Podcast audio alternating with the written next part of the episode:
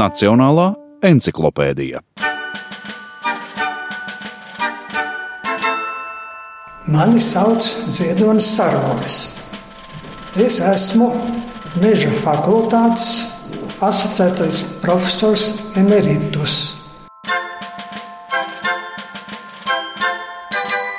Enciklopēdijā man bija tas gods un pienākums rakstīt par šķirkli meža saimniecībā.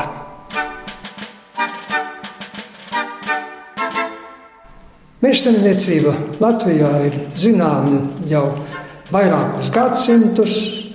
Tā kā Latvija ir tādos apstākļos, ka ir daudz pārmetru mežu, kur ir grūti piekļūt arī tiem kokiem, kas varbūt ir pietiekami labi izauguši, tad viens no pirmajiem uzdevumiem mežsaimniecībā bija uzsākt mežu meliorāciju, kas jau tika sākta iepriekšējā gadsimta sākuma daļā. Pēc uh, Latvijas neatkarības iegūšanas tajā laikā meža platība Latvijā procentuāli no 30 apmēram pirms Pirmā pasaules kara pat bija samazinājusies jau vairs tikai līdz 27%. Savukārt jau 30. gadu beigās samazinājums tika daļēji novērsts, un meža platības atkal sāka pakāpeniski atjaunoties. Tam gan iztraucēja otrais pasaules karš, bet pēckara periodā pārsvarā Latvijā bija tā saucamā kompleksā meža saimniecība, kas nozīmē, ka visi meža nodarbinātie savas pūles veltīja sākot ar meža ieaudzēšanu un nobeidzot ar koksnes izēvielu sagatavošanu.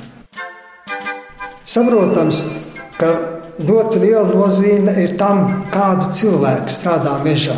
Te gan uzreiz jāsaka, ka nosaukt Atsevišķus mežkopjus, kuri ļoti izceltos, ir grūti. Pirmos neatkarības, Latvijas neatkarības gadus varētu minēt Krišu Melderi vai pirmo no meža zinātniekiem, kurš ieguva zinātnisko grādu meža nozarē, Arvīdu Kalniņu. Ja pasaules mērogā koku materiālus gada laikā sagatavo aptuveni 3,5 miljardus, tad zinot, ka šobrīd pasaulē ir 7,7 miljardi iedzīvotāji. Tas nozīmē, ka katram pasaules iedzīvotājam nepilns puskubikmetrs ap 0,47 tikai iznāk. Un savukārt, ja mēs paskatāmies, kā tas ir Latvijā, kur gada laikā sagatavo ap 12 miljonus kubikmetru, bet iedzīvotāji mums pat ir mazliet pat zem diviem miljoniem. Tas nozīmē, ka katram jau ir 6 kubikmetri. Tas ir 12 reizes vairāk nekā pasaules mērogā.